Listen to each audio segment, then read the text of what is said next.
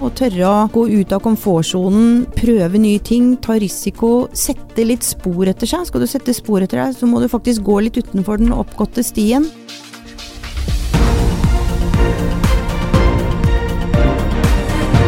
Dette er All In med Oslo Business Forum. Dagens gjest leder Norges og Nordens største mediekonsern med over 5000 ansatte. Kristin Skogen Lund overtok som konsernsjef høsten 2018 i et selskap hun kjente godt fra før, men samtidig kanskje ikke etter mange år ute i Telenor og NHO. Hun har vært en tydelig stemme i samfunnsdebatten og uttalt seg om ledelse, talent, innovasjon og kompetanse, og her under Oslo Business Forum den 29.9 deler hun sine tanker om rethinking leadership. Så velkommen, Kristin.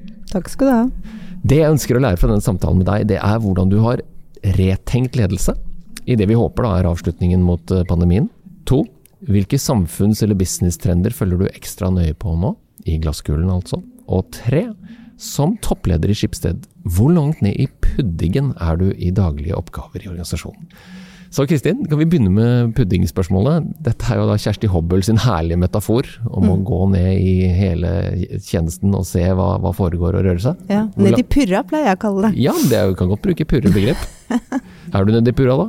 Ja, jeg er jo det på mange måter. Jeg må jo være det, fordi jeg møter jo stadig vekk eh, investorer, og de har jo en lei tendens til å stille ganske detaljerte spørsmål som de forventer at jeg har svaret på. Så det er jo skjerpende i seg selv, at jeg kjenner at jeg må, må og bør kjenne i hvert fall de viktigste krikene og krokene.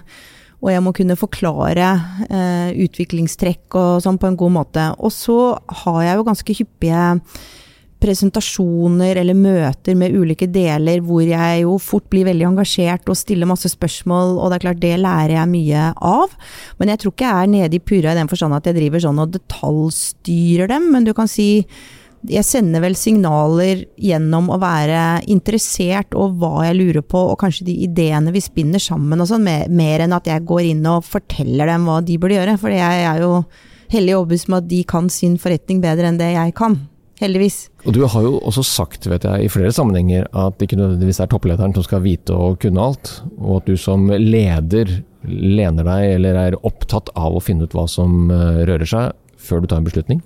Ja, veldig. Altså, du kan ikke som toppleder vite bedre enn 5000 medarbeidere. Det er alltid noen i den organisasjonen som sitter tettere på de kundene og de produktene og vet det bedre. Og de må du lytte til. Så jeg pleier jo å si det at som toppleder så har du en god oversikt, men du kan umulig ha all innsikt. Så da handler jo ledelse veldig om å trekke den innsikten ut av organisasjonen opp i oversikten, og så liksom vri det til en syntese av hva man skal prioritere, og hva som er de viktigste, den viktigste historien å gå videre med da, for et konsern. Men det er også et, eh, et refleksjonselement for ledere generelt. å tenke gjennom hvor mye beslutning skal komme fra deg sjøl og dine egne meninger eller oppfatninger, da, kontra det å ta inn eksperter eller stemmer fra organisasjonen.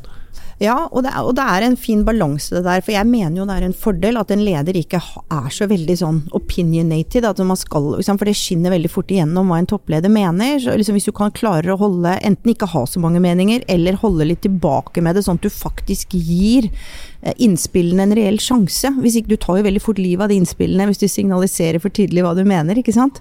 Så det er viktig. Men samtidig så må jo en leder ha en viss overbevisning og, og være en drivende kraft òg. Så du kan liksom ikke være totalt fargeløs heller. Så det er en sånn balansegang. Uh, og kanskje skal man Kanskje er det greit at jeg er tydelig på noen få ting, og så må alt det andre få lov til å spilles til meg uten at jeg nødvendigvis uh, har så sterke meninger om det i utgangspunktet. For Du skal jo lede gjennom historier og gjennom valg som blir tatt for framtiden. Så det er jo den, den, strategien som utøves gjennom det man sier og gjør. Ja, og så må jeg også si det er veldig menneskelig at noen ting er mer interessant enn en andre ting. Sånn er det for meg, og sånn er det for alle. Men at du er litt bevisst det der, for det syns også godt hva jeg syns er gøy. Og, og, det er i hvert fall ikke så gøy for de som da jobber med de tingene som jeg kanskje ikke syns er så gøy. Så det å, å spre entusiasmen og interessen litt jevnt utover, det må man også disiplinere seg litt på, faktisk. Hvordan gjør du det? Nei, jeg prøver å være, jeg prøver å være meg det bevisst og, og, ta meg i det. Og liksom uansett hva det er jeg, som blir presentert for meg, så skal jeg tenke at sant, dette, alt er interessant når du setter deg inn i det og, og, og blir kjent med det. Og det mener jeg faktisk. Så liksom det er å alltid ta seg bryet med å gå inn i ting, da. Mm. Det er ikke alt som er purre, kan være noe annet også. ja. kan være andre grønnsaker. Ja. Eh, I den retenking av ledelse, er det dette du også da tenker på mest da? Altså, hva, hva har dere jobbet med nå under pandemien? som har gjort at du har retenkt ledelse? Ja, En ting som ble veldig viktig da alle ble sendt hjem og vi, og vi var omgitt av så utrolig med usikkerhet, det var jo å søke veldig sterkt mot det lederteamet mitt. Så vi møttes faktisk to ganger om dagen de to første månedene, både om morgenen og om ettermiddagen, og ledet dette veldig kollektivt. Det var en stor styrke. Jeg følte meg liksom aldri alene eller ensom i den utfordringen. Og det tror jeg betydde mye for organisasjonen også, at de så at vi var så samlet om dette her. Det andre er jo at eh, når man ikke kan se hverandre, så blir jo dette med den, den jeg liker å kalle det empowermenten, eller bemyndiggjøringen av de ulike delene av organisasjonen, blir enda viktigere.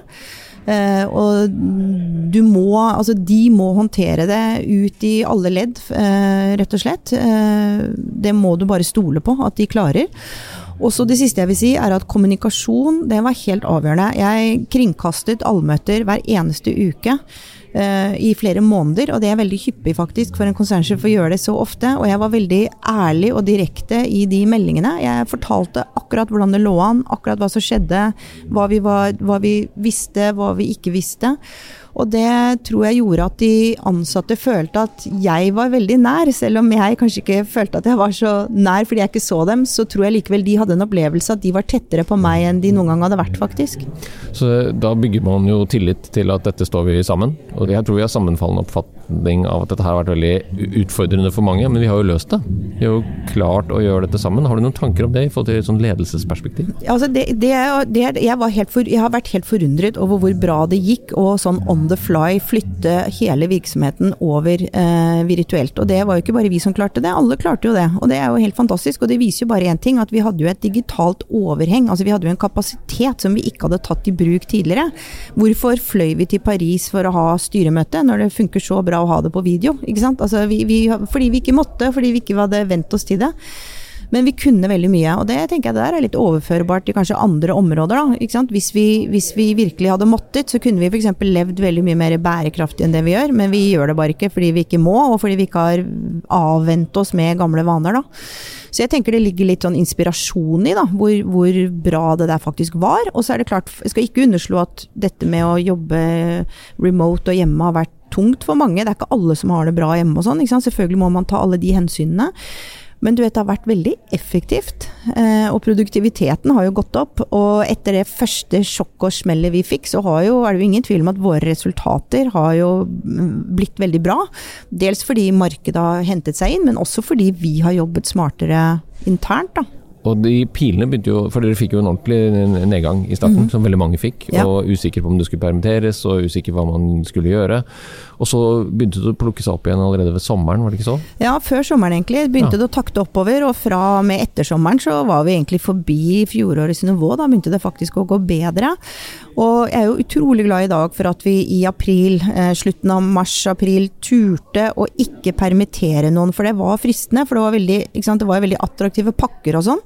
Eh, og det gikk veldig dårlig, som du sier, i starten. Og du blir jo veldig redd for å ikke ta nok grep, ikke sant. Mm. Men jeg er så glad for at ikke vi gjorde det, fordi da unngikk vi det der med å skape et A- og B-lag, og liksom at nå var noen viktige og andre var ikke så viktige og sånn. Og jeg tror at det, at det at de ansatte så at vi valgte å, å ikke gjøre det, det mobiliserte noe helt enormt. Da ble vi liksom ett lag mot den pandemien, og dette skulle vi fader meg stå igjennom sammen. Altså Vi fikk en voldsom sånn samhørighet og lagfølelse rundt det, tror jeg.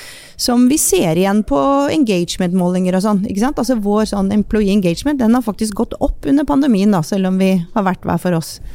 Men tror du det er en kunnskapsbedrift som Skipsted med da, digitale leveransemodeller har jo kommet styrket ut av det, mens de som ulykksalig nok ikke har det, altså som har reiseliv, eh, restaurant, de som, alle som må fysisk være til stede for å levere produktet sitt, De har jo den motsatte Selvfølgelig. resultatet her. Og, og, selvfølgelig, og, det, og dette, det har jo vært så vilkårlig med denne pandemien. ikke sant? Hvem som er blitt rammet og ikke. Eh, og eh, også selvfølgelig er det virksomheter som ikke har hatt den luksusen vi hadde, at de kunne velge, velge å ikke permittere. Så for all del, jeg har full respekt for det.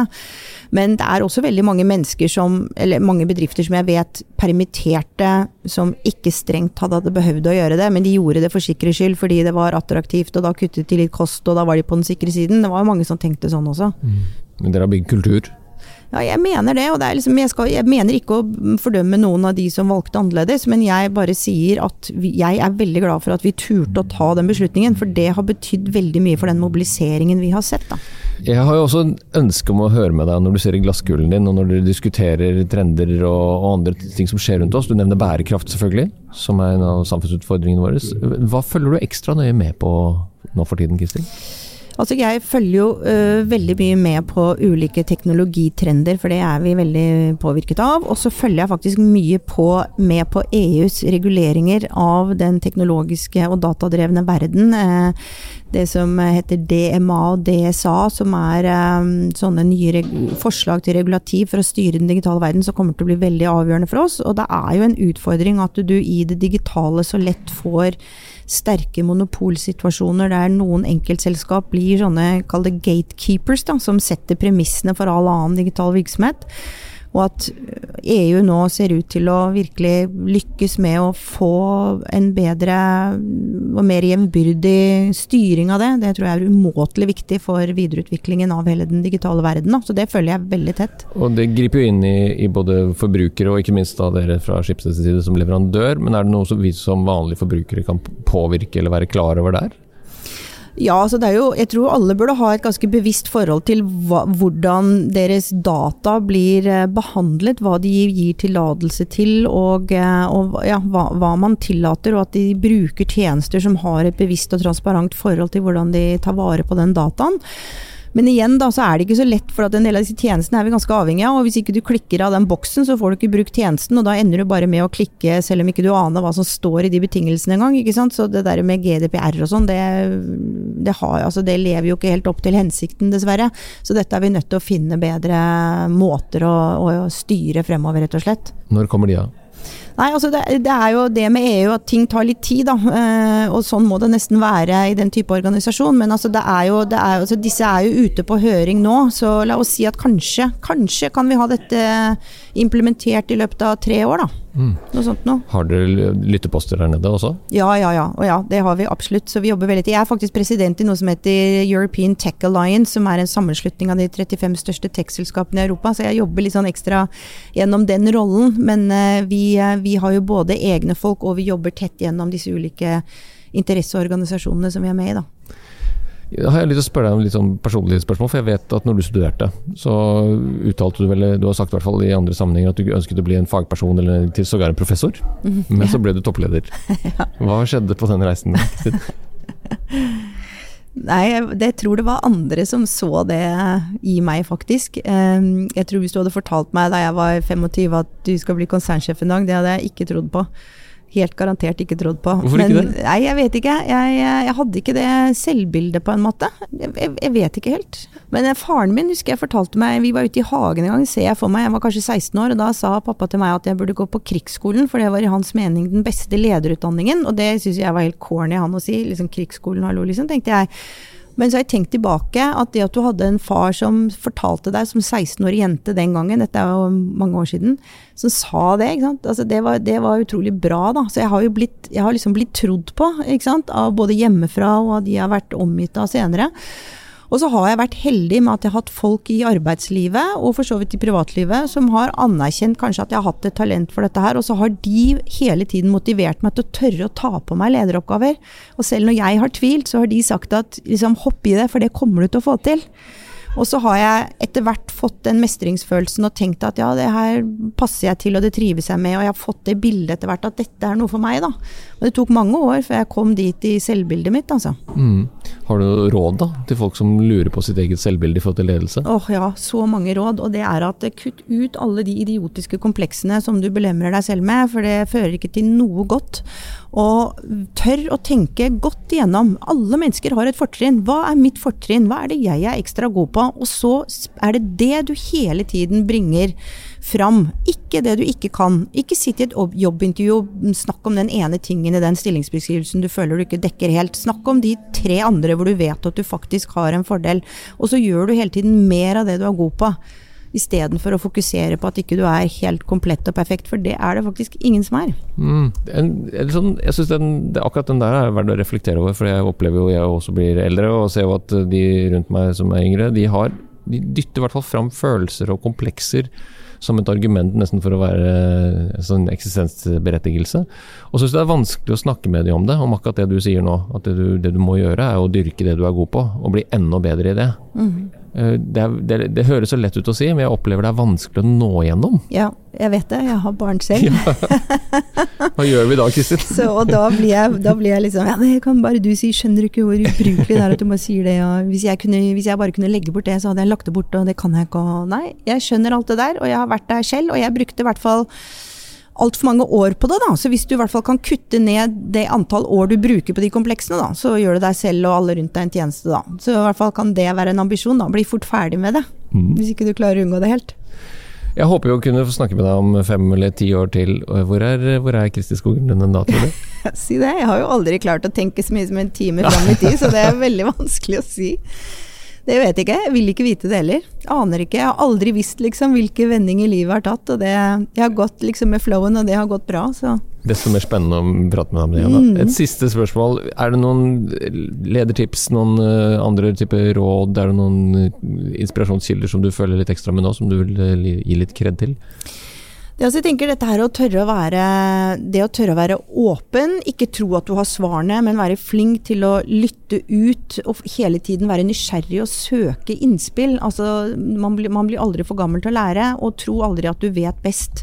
Og så er det noe med at eh, man kan kanskje ha en egen overbevisning, men de, ofte så er det sånn at de beste beslutningene er de som balanserer litt ulike hensyn, og ergo står seg godt over tid. Så liksom vær villig til å fire litt kanskje på din egen ditt eget absolutte standpunkt for å liksom bidra til at man finner den derre mm, balansen i ting. Det har jeg veldig tro på. Og så er det noe med dette motet, da. Å tørre å gå ut av komfortsonen, prøve nye ting, ta risiko, sette litt spor etter seg. Skal du sette spor etter deg, så må du faktisk gå litt utenfor den oppgåtte stien. Uh, og det kan være ulendt og alt det der, men det er altså så mye morsommere å oppdage og beseire ny mark enn å gå på de gamle stiene er så fint oppsummert, og jeg trenger egentlig ikke snakke så veldig mye mer etter det her. Du må finne balansen i livet ditt, du som hører på, og så er det jo selvfølgelig det å være nysgjerrig og være litt modig. Og bry seg om medmenneskene sine, og det vet jeg at du gjør. Og tusen takk for at du brukte tid sammen med oss her i All In Oslo Business Forum, Kristin. Og lykke til videre. Takk. Hvis du likte denne podkasten, hadde vi satt utrolig stor pris på om du abonnerte og gir oss en tilbakemelding i avspilleren. Spre gjerne ordet videre til andre ledere som er lidenskapelig opptatt av ledelse, strategi og innovasjon. Mitt navn er Tor Haugnes. Sammen er vi all in med Oslo Business Forum.